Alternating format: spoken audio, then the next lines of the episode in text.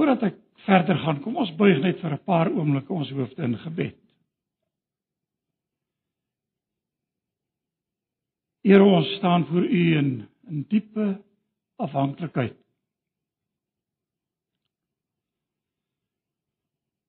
Met die bede dat die Heilige Gees wat hierdie woord wat voor ons is geïnspireer het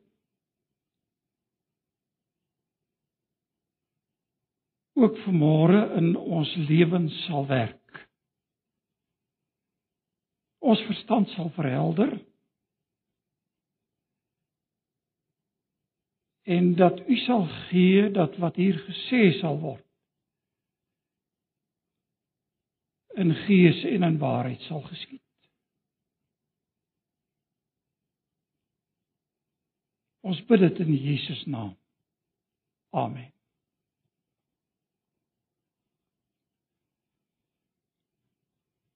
Hoe net seker maak jy 'n glas water. Ek het gedink ek wil iets noem want ons trek by Romeine 11. Nou ek kan nie onthou ek was daar 'n hele tydjie gelede laas hier. En ons het deur Romeine gewerk en by 11 gekom.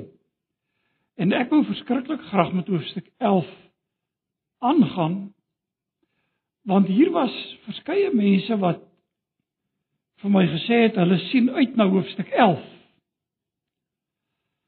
Nou ek dink een van die redes daarvoor hoofstuk 11 is nogal 'n hoofstuk wat baie keer gebruik word in baie verskillende kontekste. En met baie verskillende oortuigings. Nou wil ek nou net vroegtydig vir u sê ek kan nie heeltemal neutraal na hoofstuk 11 kyk nie. Dis die een saak. Die tweede een wat ek wil sê sou een van julle met my verskil oor my interpretasie. Dan aanvaar ek dit in liefde. Ek het altyd vir studente gesê as jy van my verskil skryf dit in jou antwoordstel neer as jy nie saamstem. Daar's 'n voorwaarde aan verbonde. Motiveer jou saak skriftuur. En dan aanvaar ek dit. En natuurlik is dit so dat al die gedeeltes in die Bybel verstaan ons nie altyd presies dieselfde nie. So vir môre se boodskap het ek gedink wil ek so eers 'n inleidingkie gee. Ek graag hê u moet u Bybels oophou En dan gaan ek soos wat die studente altyd gesê so 'n running commentary doen. In goeie Afrikaans sou dit seker wees 'n lopende kommentaar. Soos wat ons deur die hoofstuk gaan. En daar's 'n goeie rede daarvoor. Ek dink dit is verskriklik belangrik as 'n mens Romeine 11 wil verstaan om dit op hierdie manier te doen. En ek wil nie graag hier gryp en daar los.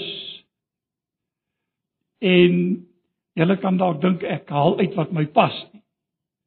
So ek sou graag die hele hoofstuk met julle wil deurwerk. Nou ek was in die versoeking. So tyd gelede was daar 'n 'n hele groepie mense wat deelgeneem het aan 'n projek. Nou ek adverteer nie die boek nie want ek dink nie hy's meer op die mark nie uh 2012 is dit die einde van die wêreld. Weet nie of daar van julle mense is wat hom gesien het nie en dis 'n verskeidenheid van mense wat saamgewerk het. Stefan Joubert, Isak Burger en die stander Adrio Kenig en ander. Is dit lank nog daar? Ja. En as ek nou kom by die ander was my aanspreeklikheid hier om twee hoofstukke te doen in hierdie boek. Die een hoofstuk het gegaan oor die toekoms van Israel en die ander een het gegaan oor die 144000 uitverkorenes. Nou moet nou nie bekommerd nie, daar daarby sal ons nou nie uitkom nie. Ons sal ons maar bepaal hier by Israel. Dis belangrik om hierdie hoofstuk in sy breër verband raak te sien. Want hoofstuk 11 staan nie geïsoleerd nie. Jy moet onthou dat die verse en die indeling soos wat ons dit voor ons het nie in die oorspronklike geskrifte was nie. Die oorspronklike geskrifte was een lang geskrif net aan mekaar, een brief. Later van tyd het hoofstukindelings, versindelings gekom en ook opskrifte. En as julle nou die verskillende opskrifte met mekaar gaan vergelyk, selfs van Romeine 11, dan sal julle sien hoe dat baie van die opskrifte nogal verband hou met die vertalers se oortuiging in terme van wat daardie gedeelte sê. Die ou vertaling onder andere het as opskrif van hoofstuk 11 die toekoms van Israel. Die nuwe vertaling het dit onderverdeel en as ek van 11 praat dan laat ek nou die lofsang aan die einde uit. Uh uh ek praat nie daaroor nie. Dan die nuwe vertaling dit ingedeel uh of die multivertaling hoofstuk 11 van vers 1 tot 10 wat gaan oor die oorblyfsel van Israel. Dan vanaf vers 11 tot vers 24 die verlossing van die heidene nasies en dan vanaf vers 25 tot 32 die toekoms van Israel. Ek gaan 'n bietjie hiervan afwyk in my eie indeling van hierdie gedeelte en sal dit motiveer soos wat ons deur hierdie gedeelte gaan. Nou, julle sal onthou uh, nou weet ek nie of ek moet sê julle kan dit is so lank terug, maar in elk geval. Die eerste gedeelte van Romeine, ons het gesê dit gaan oor God se geregtigheid. God is regverdig as hy oordeel. Onthou jy? Die eerste gedeelte. God is regverdig in sy vryspraak. Was die tweede gedeelte. En daaronder die vryspraak het ons dan uiteindelik ook gekyk na die gevolge van die vryspraak tot en met hoofstuk 8 aan die einde van hoofstuk 8. En dan hoofstuk 9 gaan oor die kwessie, die hele kwessie van Israel. Is daar nou onreg by God in terme van Israel. En in hoofstuk 9, sowel as hoofstuk 10, sowel as hoofstuk 11, sien ons dat ook ten opsigte van die hele kwessie van Israel en die heidene bly God steeds regverdig. Hy handhaaf steeds sy geregtigheid. So daaraan hoef ons nooit te twyfel nie. En dit word bevestig. Ek kan dit lees in hoofstuk 9 waar hy praat oor die verkiesing van Israel. En dan kom hy by die heidene uit. En hy sê die wat geen volk was nie is nou volk van God. Nou ek onthou na aanleiding van 'n boodskap en ek kan nie meer onthou wat die onderwerp was nie, maar dit was baie lank terug hier by Antipas gemeente het iemand na die tyd na my gekom en vir my gesê uh gevra of ek dan uh een van die uh of ek glo aan 'n replacement theology dat Israel die of die kerk Israel vervang. My reaksie daarop was nee.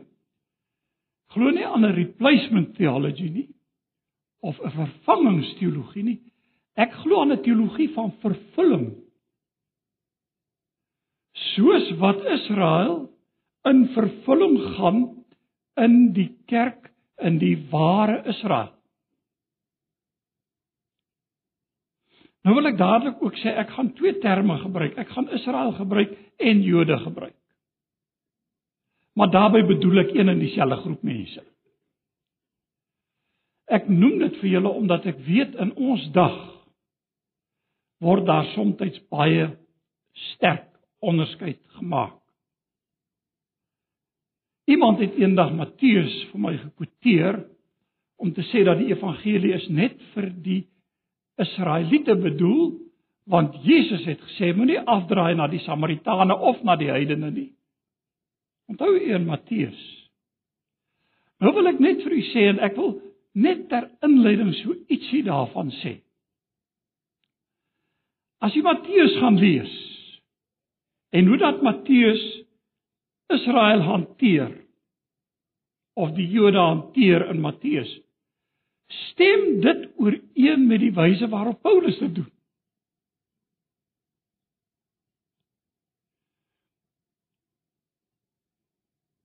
Luister na die begin van Matteus. Matteus begin oor met die geboorte aankondiging van die Here Jesus.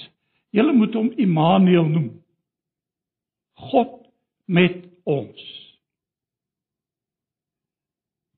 Waarmee sluit Matteus af? Selfe woorde: gaan dan heen maak disippels van alle nasies doop hulle en kyk ek is met julle. So die hele Matteus word ingesluit in hierdie begrip God met ons. En 'n ander ander saak wat 'n mens in Matteus raakloop is die woorde wat dikwels mens loop dit kort kort raak. En dit het gebeur sodat vervul sou word. Telke male kry jy mense dit in Matteus. En weet jy daar's 'n 'n ontwikkelingslyn in Matteus. Matteus begin met Johannes die Doper se prediking. En Johannes die Doper sê vir die Fariseërs, die Sadduseërs, die mense wat na hom toe kom, dra vrugte wat by die bekering pas. En hy sommer uitgesproke oor die Fariseërs en hierdie ouens en hy sê ander geslag, weet julle gewys om te vlug vir die toorn wat aankom is. Dra vrugte wat by die bekering pas. En dan sê Johannes interessante woorde. Die byl lê teen die wortel. Jy het ooit daaroor nagedink. Nou gaan 'n mens aan met Matteus en jy lees hom verder. En dan vind 'n mens uit hoe dat in in in hiervan is nou 'n volledige bespreking in in in die hoofstuk in hierdie boek, maar ek gaan dit nou nie volledig maak nie, ek gaan dit kortliks maak. Hierin vind 'n mens dat eh, soos wat Matteus aangaan, hy uiteindelik op die plek kom waar hy gelykenisse gebruik wat radikaal gaan oor die volk se verwerping van die Christus en die leiers van die volk. Jy onthou die gelykenis van die landbouers, nie waar nie? Hoe hy die verskillende mense sy diensknegte gestuur het verwysend na die profete wat gekom het. En uiteindelik het hy sy seun gestuur en hy het gesê hulle sal die ontsien. En wat maak hulle met die seun? Neem hom buite kan die wingerd bring hom om. En Jesus vra wat sal die eienaar met daardie mense doen? En toe sê hy interessante woorde: Koninkryk van God sal van julle af weggeneem word en gegee word aan die volk wat die vrugte daarvan sal dra. Dit klink verskriklik finaal en dan kom Jesus daarna en is treffend hoe dat Matteus dit in hierdie volgorde hanteer wat ek nou sommer rofweg vir julle uitbeeld. Dan kom hy daarna by die tempel. En toe by die tempel kom, toe hulle besig om handel te dryf. En hy sê vir die mense, julle het dit 'n rowers plaas dat dit 'n huis van gebed is, het julle dit 'n rower spilong gemaak. Onthou jy die begin dra vrugte wat by die bekering pas. Die by lê teen die wortel. Jesus kom in die tempel en hy sê julle het dit 'n rower spilong gemaak. En weet jy net net daarna volg 'n interessante gelykenis. Ek wonder of julle kan raai die vervloeking van die vrye boom. Jesus is uit en hy soek vrugte die volgende oggend aan die vrye boom. En dan 'n interessante woorde, dit was nie tyd van die vye nie. En nou het ek al baie kommentare gelees wat nou baie ingaan op hierdie tyd en al die dinge. Ek dink nie dis waaroor dit gaan nie. Onthou, hy het nou nou net die vorige dag die mense by die tempel uitgejaag. En gesê julle het die huis van God wat 'n huis van gebed moet wees, 'n rowerspieelonk gemaak. Die byl het in die wortel. En Jesus kom by die vrye boom verby en hy soek vrug aan die vrye boom, dra dan vrugte wat by die bekering pas. En hy kry geen vrug nie en hy vervloek die vrye boom. En net daarna kom die gelykenis van die twee seuns. So volg op mekaar.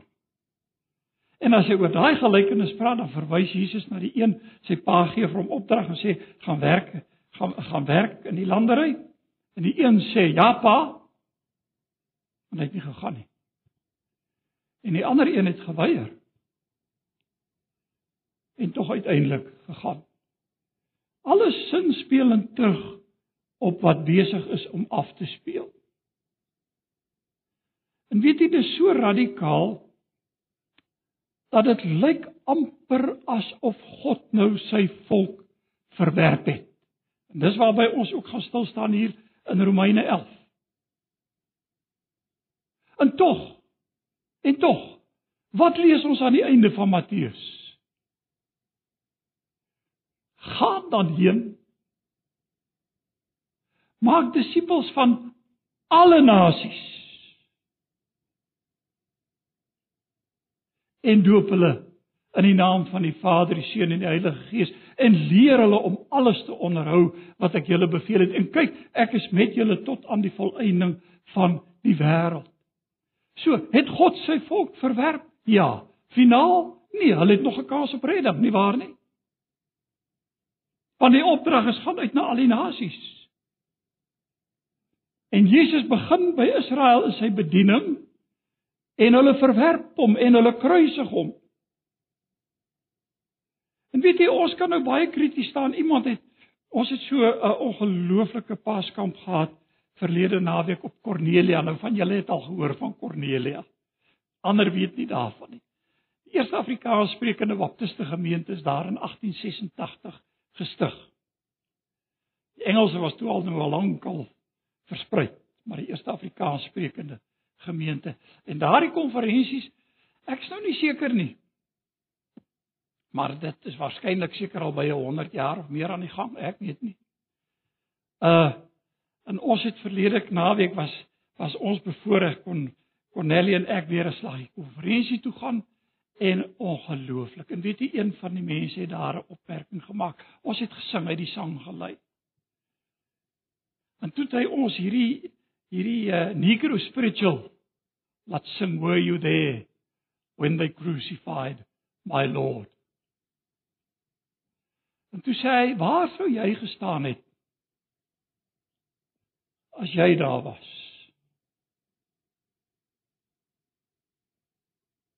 By die klein groepie. Hy sê ek sou waarskynlik by die massa opinie gestaan het. En dis waar van almal van ons. Want almal het gesondig en dit ontbreek hulle aan die heerlikheid van God. Dis wat Paulus in Romeine sê. En ons dan kyk na hierdie verskrikking van die verwerping van die Christus. Mense wat kort van tevore uitgeroep het, Hosanna geseënd is hy wat kom in die naam van die Here, net daarna uitroep, kruisig hom.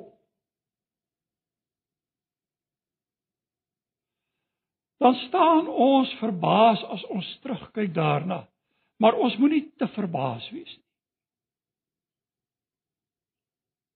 Want onthou as ons 'n vinger wys, dan wys jy hele paar terug na jouself.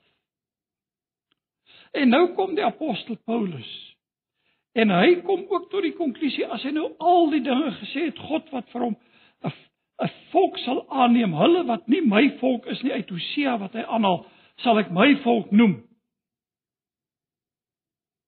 en van Israel wat wat wat hy hy sê uh, uh, uh, hy sê hier in hoofstuk 10 ek wil julle net herinner. Vers vers 11 van hoofstuk 10. Die skrif sê tog niemand wat aan hom glo sal teleurgestel word nie. Niemand nie. Dit maak dus geen verskil of 'n mens 'n Jood of 'n Griek is nie. Want dieselfde Here is Here van almal en hy seën almal wat hom aanroep ryklik. Want elkeen wat die naam van die Here aanroep, sal gered word. Ag, weet jy daar so baie tekste in hierdie verband wat 'n mens kan quoteer. Uh en dan aan die einde van hier vanaf vers 19 vra hy van die Jode het, het Israel dit nie verstaan nie. In die eerste plek wys ek op wat God deur Moses sê ek gaan hulle jaloers maak op mense wat nie 'n volk is nie. En toe sy volk geword het. En julle kwaad maak oor 'n volk wat nie julle kennis het nie. En Jesaja gaan selfs verder daar sê God, ek het my laat vind vind deur mense wat my nie gesoek het nie. Ek het verskyn aan mense wat nie na my gevra het nie. Maar van Israel sê hy: Dag vir dag het ek my hande uitgesteek na 'n ongehoorsame en 'n weerspannige volk. En hierin lyk dit so asof dit so finaal is nie waar nie. amper soos Matteus Maar skielik kom daar kan ek sê 'n kinkel in die kabel. Want hier kom Paulus dan in hoofstuk 11 en nou wil ek hê julle moet saam met my dit volg hier in hoofstuk 11. En nou moet ek my plek kry op my notas ook.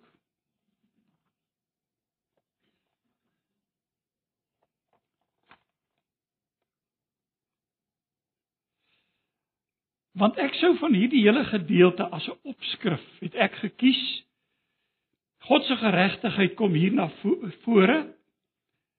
In sy genade, lê jy met mooi luister oor Jood en heiden. En dis Romeine 11. So wees versigtig om nie Romeine 11 net op een groep van toepassing te maak nie. Maar Paulus is verstom, hy's verbaas. Hy sê, "Het God dan nie tog sy volk verstoot nie?" Romeine 11 vers 1. Ek lees uit die multivertaling. Sou ek vervolgens kon vra. Dit lyk so finaal, dit klink so finaal. En luister dan na die sterk ontkenning. Hy sê beslis nie. Hoe weet hy dit? Selfstudie. Want luister wat sê hy in die daaropvolgende gedeelte. Hy sê ek is immer self ook 'n Israeliet. 'n Afstammeling van Abraham uit die stam van Benjamin. Wat sê die apostel Paulus daardeur? Het God sy volk verstoot? Beslis nie. Hier is ek 'n lewende voorbeeld van God se genade. Hier is ek 'n lewende voorbeeld van wat God gedoen het in Christus Jesus om my tot geloof te bring in die Here Jesus en in sy soenverdienste. Dit het vir die vir die apostel Paulus 'n Damaskuspad beteken. Waar die lig hom omstraal het. En hy Jesus ontmoet het as sy verlosser en saligmaker. So hy's 'n sprekende voorbeeld. Hy's 'n bewys daarvan dat God sy volk nie verstoot het nie. Met ander woorde, hulle kan ook tot geloof kom. Ek weet dit antwoord nog nie die vraag wat u graag wil vra nie. Maar ons moet hierna kyk om dit verder te verstaan. Want in hierdie gedeelte vanaf vers 11 en ek het hom my indeling 'n bietjie verander tot vers 12 gaan dit oor God se genade oor Israel oorblyfsel. Nou ek sal weer by die oorblyfsel kom. Luister wat sê hy verder aan in hierdie gedeelte. God het sy volk wat hy lank tevore verkies het, nie verstoot nie. Of weet julle wat die skrif sê van Elia hoe hy by God oor Israel gekla het. Here, hulle het die profete doodgemaak en die altare afgebreek en net ek het oorgebly en hulle wil my ook om die lewe bring. En nou sê Paulus verder, maar wat het God vir hom geantwoord? Ek het vir my 7000 manne laat oorbly wat nie vir Baal aanbid of die knie voor Baal gebuig het nie. Hoor die gedagte van 'n oorblyfsel. Want weet jy hierdie gedagte van 'n oorblyfsel, hierdie groep wat hy sê van hierdie 7000 is die oorblyfsel. In vers 5 sê hy dit net so is dit dan ook vandag. So Paulus maak dit nou van toepassing op sy dag.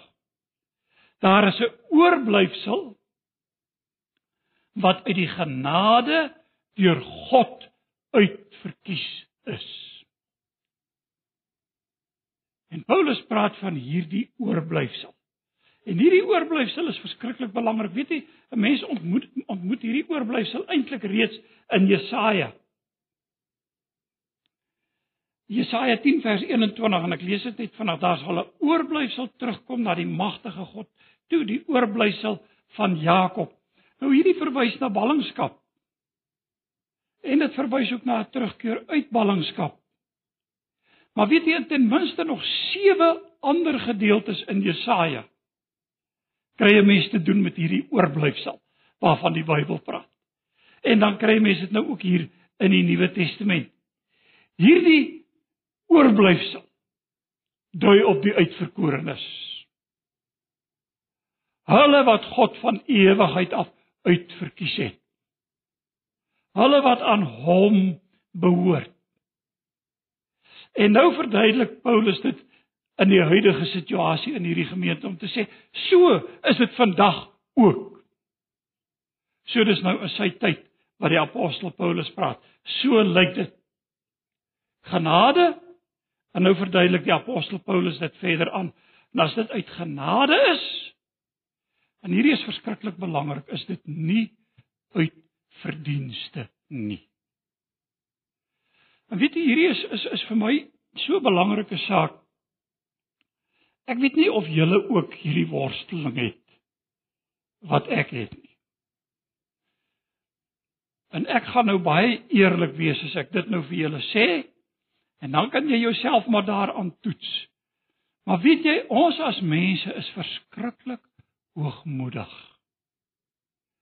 En ek bedoel daarby dat as ons dink in terme van redding, dan dink ons in terme van ons bekering. En ons dink in terme van ons geloof. En ons wil so graag hierdie dinge vir God nog aanbied. Terwyl ons niks het nie, want dan is dit verdienste. In geloof is nie 'n verdienste nie. In bekering is nie 'n verdienste nie. Dit kom van God af. Alles kom van God af. En dis wat die apostel Paulus hier wil sê. Hy sê as dit uit genade is, met ander woorde God se guns, God wat gee juis aan hulle wat dit nie verdien nie. dan is dit genade. En dan is dit nie uit verdienste nie. Anders sou die genade nie meer genade wees nie. En die ou vertaling het nog so 'n stukkie daarby wat sê as dit uit verdienste is, dan is dit nie genade nie, anders is verdienste geen verdienste nie. Nuwe vertaling het dit nie in nie as gevolg van die tekskeuse uit die uit die Griekse teks uit wat hulle gebruik het. Maar die betekenis bly presies dieselfde, daar verander niks aan die betekenis van hierdie gedeelte nie. Nou kom die apostel Paulus en maak hy 'n toepassing. Hy vra nou in sy konklusie, nou waarop kom hierdie dinge nou neer? Wat beteken dit nou in praktyk vir Israel? Hierop. Wat Israel soek, het hy nie gekry nie. die uitverkorenes het dit verkry. Bedoel die apostel Paulus daarmee? Israel het 'n eie geregtigheid daar probeer stel.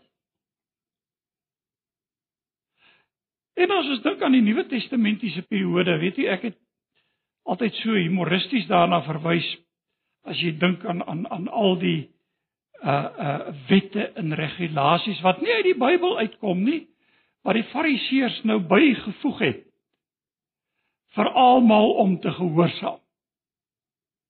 Dit was iets verskrikliks. Daar was soos die profeet sê reël op reël, reël op reël, gebod op gebod, gebod op gebod, hier 'n bietjie, daar 'n bietjie. So dit gelyk. En nou sê die Bybel vir ons dit wat Israel nou gesoek het. Dit het hulle nie gekry nie. Die oorblyfsel het dit gekry. Die uitverkorenes. Hulle het dit gekry. Die ander Die ander is verhard. Sê die Bybel.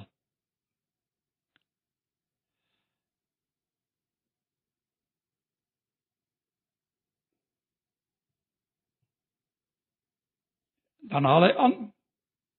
En hierdie aanhaling, wil ek nou vir julle sê, kom uit Jesaja 29 vers 10 en is in Psalm 69 vers 23 en 24 wat hy sê God het aan hulle gegee 'n gees gegee wat hulle bedwelm het oë wat nie sien nie ore wat nie hoor nie tot vandag toe nog.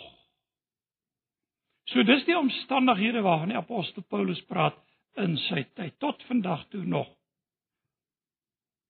En Dawid sê mag hulle maaltye wat 'n feestelike geleentheid is vir almal om bymekaar te kom en eenheid te betuig en gemeenskap te mag hê. Sê hy mag hulle maaltye vir 'n vangster en 'n val word en 'n struikelblok en 'n straf. Mag hulle oë verduister word dat hulle nie sien nie en buig hulle rug vir altyd krom sawediens dis wat hierna verwys word. Nou Dawid sê dit van sy vyande in psalms. En Paulus maak dit hier van toepassing op die mense wie se harte verhard is, buig hulle rug vir altyd krom. En dan die ander gedeelte voeg ek hierby in. Want hy vra weer 'n vraag en dit spruit voort uit sy eerste vraag. Hy sê 'n 'n ander vraag. Kan ook sê 'n volgende vraag. Is dit Het Israel se struikeling hulle val beteken? Met ander woorde, hulle het nou gestruikel. Daar's die wat verhard is. Het dit nou 'n finale val beteken? Dan sê Paulus weer sterk ontkenning, beslis nie. Dis nie 'n finale val nie. Maar deur hulle val. En broers en susters, hierdie is so belangrik, want dis hoekom ek gesê het my opskrif hiervan gaan oor die genade van God. Want luister wat sê hy. Deur hulle val het die redding na die heidene nasies toe gekom om die Jode jaloers te maak. En daar het ons dit met ander woorde God vergeet nie die volk van Israel. Ek praat nou van die fisiese Israel. En ek weet baie keer kom mense en hulle uh sê nee, dis geestelike Israel. Nou ek ek dink nie die konteks laat ons toe om dit te sê nie. Die konteks sê vir ons, dit gaan oor die fisiese Israel. Uh, as hulle val, vers 12, 'n verryking vir die wêreld beteken het in hulle klein oorblyfseltjie 'n verryking van die heidene nasies. Hoeveel te meer sal dit dan nie tot seën wees as die Jode se volle getal? En onthou hier bedoel die Bybel nie alle Jode nie. Hiermee sê die Bybel nie dat die Jode almal gered sal word nie. Want hy praat in vers 25 van die volle getal van die heidene ook. En dit beteken hoe kom ons dink net vir 'n oomblik hoe lyk die prentjie van die wêreld vandag? Kom ons dink aan Palestina daar met wie al die stryd en die dinge nou weer aan die gang is en uh uh die eerste minister met 'n naai of hoe spreek mense dit ook al uit nou uh uh nie meer met die Palestynë wil gesprek voer nie omdat hulle Hamas insluit en Hamas nie Israel erken nie Hoe lyk daardie daardie staat in die noorde? Alles behalwe 'n Christelike staat. Ja, daar is ortodokse Jode. Maar so gesekulariseer as wat kan kom in hierdie wêreld. Hoe lyk die heidene nasies? Hoe lyk die wêreld? Ek het eendag ons het vir ons dogter gekuier in Australië. Toe gaan ek daar by 'n boekwinkel in. Groot boekwinkel en ek gaan toe natuurlik dadelik na die teologiese afdeling. En ek loer daar rond en was baie beïndruk met die met die kwaliteit van boeke wat hulle daar gehad het. Dit is 'n groot boekwinkel. Maar weet jy wat het my getref? Ek gaan hoor jy en ek bedoel dit met groot respek as ek dit sê, maar ek gaan nou die kinders se uitdrukking gebruik. Want ek weet nooit of iemand 'n Chinees of 'n Japanees of of of een van daardie volkere is nie. Ek ek kan dit nie onderskei nie. Toe die kinders begin om te praat van chonkies. En dis nou nie beledigend nie. Maar weet jy, dis die mense wat daar staan. En dit kom by my op. Hulle staan in die teologiese boeke in naslaap. Die wêreldsgeskiedenis sal totaal verander as China in massa tot bekering sou kom nie waar nie. As daardie oosterse lande, daar volkere almal, as dit in massa, dink net wat wat dit aan die wêreldgeskiedenis gaan doen. En ek dink ons moet bid vir hierdie mense se redding. En ons moet erns maak daarmee, maar onthou Jesus het gesê: "Wat is smal?" Daar's min wat dit vind. So ons praat werklik nog steeds van 'n oorblyfsel. Daarom sê hy: "Ag, hoe wonderlik sal dit nie wees nie as die Jode se volle getal inkom nie." En nou praat ek met julle en nou kom ons by die volgende gedeelte: God se genade oor Jood en heiden. En nou praat ek met julle en dis hoekom ek my opskrifie daarso gemaak het. Want hy sê en nou praat ek met julle gelowiges uit die heiden nasies. Wat van hulle? As apostel vir die heiden nasies is ek trots op my werk. En strewe ek daarna om op die een of ander manier my eie mense jaloers te maak en sommige van hulle te red. As hulle verwerping vir die wêreld verzoening beteken het, wat sal hulle aanneming dan nie beteken nie? Niks minder as lewe uit die dood nie. Maar natuurlik beteken dit van enige een van ons wat Jesus vind as verlosser en saligmaker dat ons lewend gemaak word uit die dood. Dit sê die apostel Paulus in Efesiërs 1. Ons word lewend gemaak uit die dood. Nou sê en nou kom die En weet jy hier kom nou die gelowige groepie, die ware gelowiges wat die apostel Paulus in twee beelde gebruik, die een van deeg en die ander een van die olyfboom. Nou weet ek die die olyfboom word baie keer gebruik Jesus wat gesê het as hierdie as die uh die vrye boom het hy gebruik nie bot nie. En dan koppel die mense dit nou aan die herstel van Israel wat in wat is dit 1948 Mei maand iewers. Hulle mos onafhanklike staat geword. En nou het mense gaan berekenings maak want Jesus het mos gesê hierdie geslag sal nie verbygaan nie. En toe sê die mense nou hoe lank se geslag 40 jaar so. 48, 50, 60, 70, 80, 88. Dan sal al die dinge gebeur. Weet jy die tekens is nie gegee vir ons om sommetjies te maak. Ek wil vanmôre met die oortuiging in my hart sê ek het al wie weet hoeveel mense gehoor sommetjies maak. Diep diep gelowige mense wat ernstig is. Maar nie een van die sommetjies het nog ooit uitgewerk nie. Dink mooi daaroor. 2012, 21 Desember 2012. Volgens die Maya Alender sou dit die einde van die wêreld beteken. Onthou julle dit? Op TV is dit afgetel. Die dae na 21 Desember toe daar was, jy op internet ingegaan het programme wat daarop ingestel was om die dae af te tel. En baie Christene het die Bybel opgetel en sommetjies gemaak. In 21 Desember het gekom, in 21 Desember het gegaan. En daar het niks van gekom nie. 1988 het gekom en gegaan en daar het niks van gekom nie. Daar is 'n ander groep mense en ek kan nie werklik met 'n skoon gewete dit as deel van die Christelike kerk bestempel nie, maar wat gesê het Christus het gekom. Hy het net op 'n geestelike wyse gekom dat ons hom nie gesien het nie. Ag nee broer en suster, die Bybel sê elke oog sal hom sien. Dis soos Jesus sal kom. En nou kom die apostel Paulus en hy gebruik twee beelde hier. Die een van deeg om die oorblyfsel aan ons te toon en die inlywing as die eerste stuk deeg aan God gewy is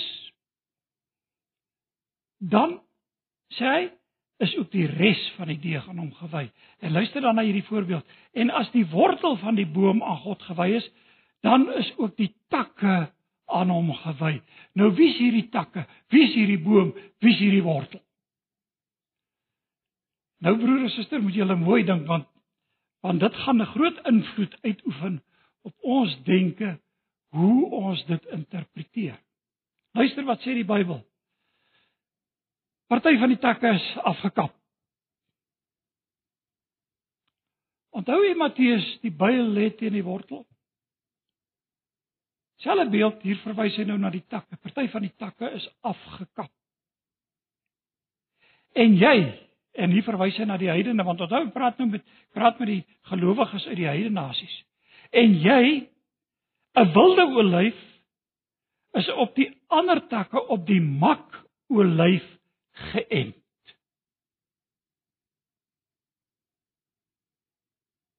Lyk vir my ek moet vir u sê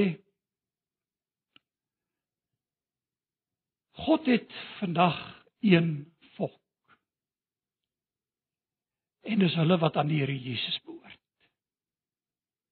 Jood en heiden. Nou ek weet dis 'n sensitiewe punt want hieroor verskil baie mense want baie mense sê nee. Die kerk is net 'n tussenmateriaal tussen Christus en tussen die wegraping. En hierdie tussenmateriaal is die kerk. Hierdie geskiedenis van Israel soort van tot 'n einde gekom en hier na die wegraping sal God dan voortgaan met sy geskiedenis en dan verdwyn die kerk in Israel in. As ek die Bybel reg verstaan, sê die apostel Paulus hier, party van die takke is uitgekap en jy, 'n wilde olyf, is tussen die ander takke op die makolyf geënt. So het jy deel gekry aan die lewenssap van die makolyf se wortel. En nou sê hy vir die gemeente in Rome, want jy moet nou onthou, die gemeente het bestaan uit bekeerlinge uit die Jodendom uit die Jodendom en bekeerlinge uit die heidendom. So dis hierdie twee groepe binne in die gemeente verteenwoordig. En wat sê hy nou vir die heiden gelowige heidene? Klink so vreeslik as ek sê heidene. Maar dis heidene wat tot geloof gekom het. Hy sê moet jou dan nie bo die ander takke verhef in vers 18. Moet jou ook nie verbeel dat jy iets is nie. Dis nie jy wat die wortel dra nie. Die wortel dra vir jou. Jy's ingeënt. Nou, nou broer en suster, ek wil ek, ek wil nou stout wees. Ek wil nou sê soos ek vir die studente gesê het. Uh Is welkom met my te verskil, maar hierdie ding moet 'n ou antwoord. Hierdie teks moet 'n mens kan antwoord en hy sê dis die wortel wat vir jou dis nie jy wat die wortel dra nie, die wortel dra vir jou. Jy sal wel sê en dis nou die heidense gelowiges, takke is uitgekap sodat ek ingeënt kon word. Toegegee, sê is waar. Dis uitgekap sodat ek ingeënt kon word. Hulle is uitgekap omdat hulle nie geglo het nie. Hoorie waaroor dit gaan? Jy is daar ingeënt omdat jy glo. Daar lê die kern. Moet jy nie moenie daaroor hoogmoedig wees nie. Hou rekening met God want as hy die natuurlike takke nie ontsien het nie, sal hy jou dalk ook nie ontsien nie. En die apostel Paulus is nie hier besig om 'n uh, 'n uh, 'n uh, teologie te verkondig van dat 'n gelowige weer verlore kan gaan of iets nie. Dis nie waaroor dit gaan nie. Dit gaan oor die heidene wat ingeënt is. En in Openbaring sê die Here Jesus aan van sy gemeentes, as jy jou nie bekeer nie, sal ek jou kandelaar van sy plek verwyder. En dit het niks te doen met die leer oor die volharding van die gelowiges nie. Let dan op vers 22, die goedheid en die gestrengheid van God. Jo, die tyd loop vinnig. Ehm um, maar dan moet jy uit sy goedheid lewe anders kan jy ook uitgekap word. En wat hulle betref, luister nou hierna. Hier val die byl wat my betref. Ek sou lus om vra een van julle om dit te lees anders te sê julle nee, ek lees verkeerd. Maar hier kom dit.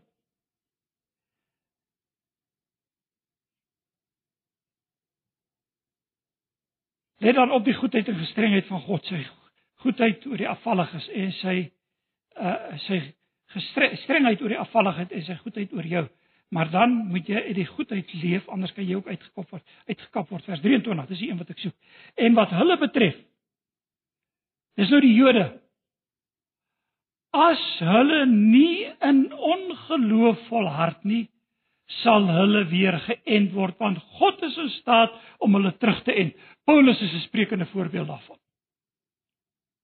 Weet jy wat sê die teks vir ons? Dit maak vanmôre nie saak wie of wat jy is nie. Dit het niks te doen met die kleur van jou vel nie. Dit het niks te doen met jou agtergrond of jou die volk waaraan jy behoort nie. Vir almal vir Jood en heiden is daar net een pad. En dis geloof in die Here Jesus Christus. Daar's nie 'n ander manier. Niemand het Jesus gesê kom tot die Vader behalwe deur my nie. Daar's net hierdie pad. Daar's geen ander pad nie. En nou sê hy, God is in staat om hulle terug te ent. As God jou uit die uit die wilde olyf waar jy van nature hoort kon uitkap en teen jou natuur in op die makolyf kon ent, hoeveel te meer sal hy die maktakke op hulle ou boom ent. Dit lyk vir my in in hierby gaan ek nou maar volstaan. Ek kom nou nie by die ander gedeelte uit nie. So julle sal nou maar moet moet wag oor die toekoms van Israel vir die volgende vir die volgende sessie. Maar hier sê hy Paulus het werklik gedink. Dit is so moeilik om die wilde olyf op die mak olyf in te ent. En onthou hy praat nie van uit 'n tuinboukundige stam, landboukundige of wat ook al nie. Hy het 'n teologiese argument. Jy's ingeënt op die mak olyf en hy het gedink dit behoort soveel makliker vir die Jode te wees om op hulle eie stam ingeënt te word. Dis wat hy hier sê. Wat is jou en my verantwoordelikheid? Miskien moet ek net dit sê en daarmee sluit ek af. Ons het 'n verantwoordelikheid teenoor die ganse mensdom. En ek dink dit sou foutief wees dat ek en jy terugsit en sê wel, die Jode sal tog eendag in massa tot bekering kom. Sal daarby uitkom. En ons doen nou niks aan die saak nie. Wat van al die miljoene wat deur die geskiedenis heen kom en nie met die evangelie bereik is nie. Daarom het ons 'n verantwoordelikheid. Broer en suster, ek volstaan nou hier, ek is nou baie jammer, ek het gedink ek sou verder wees. maar maar die oorlosie is 'n ou se vyand. Uh en die van julle wat hier kan wees, kan nou maar volgende keer kom, dan gaan ek die laaste gedeeltjie met u behandel van hierdie deel. Kom ons buig ons hoofde in gebed.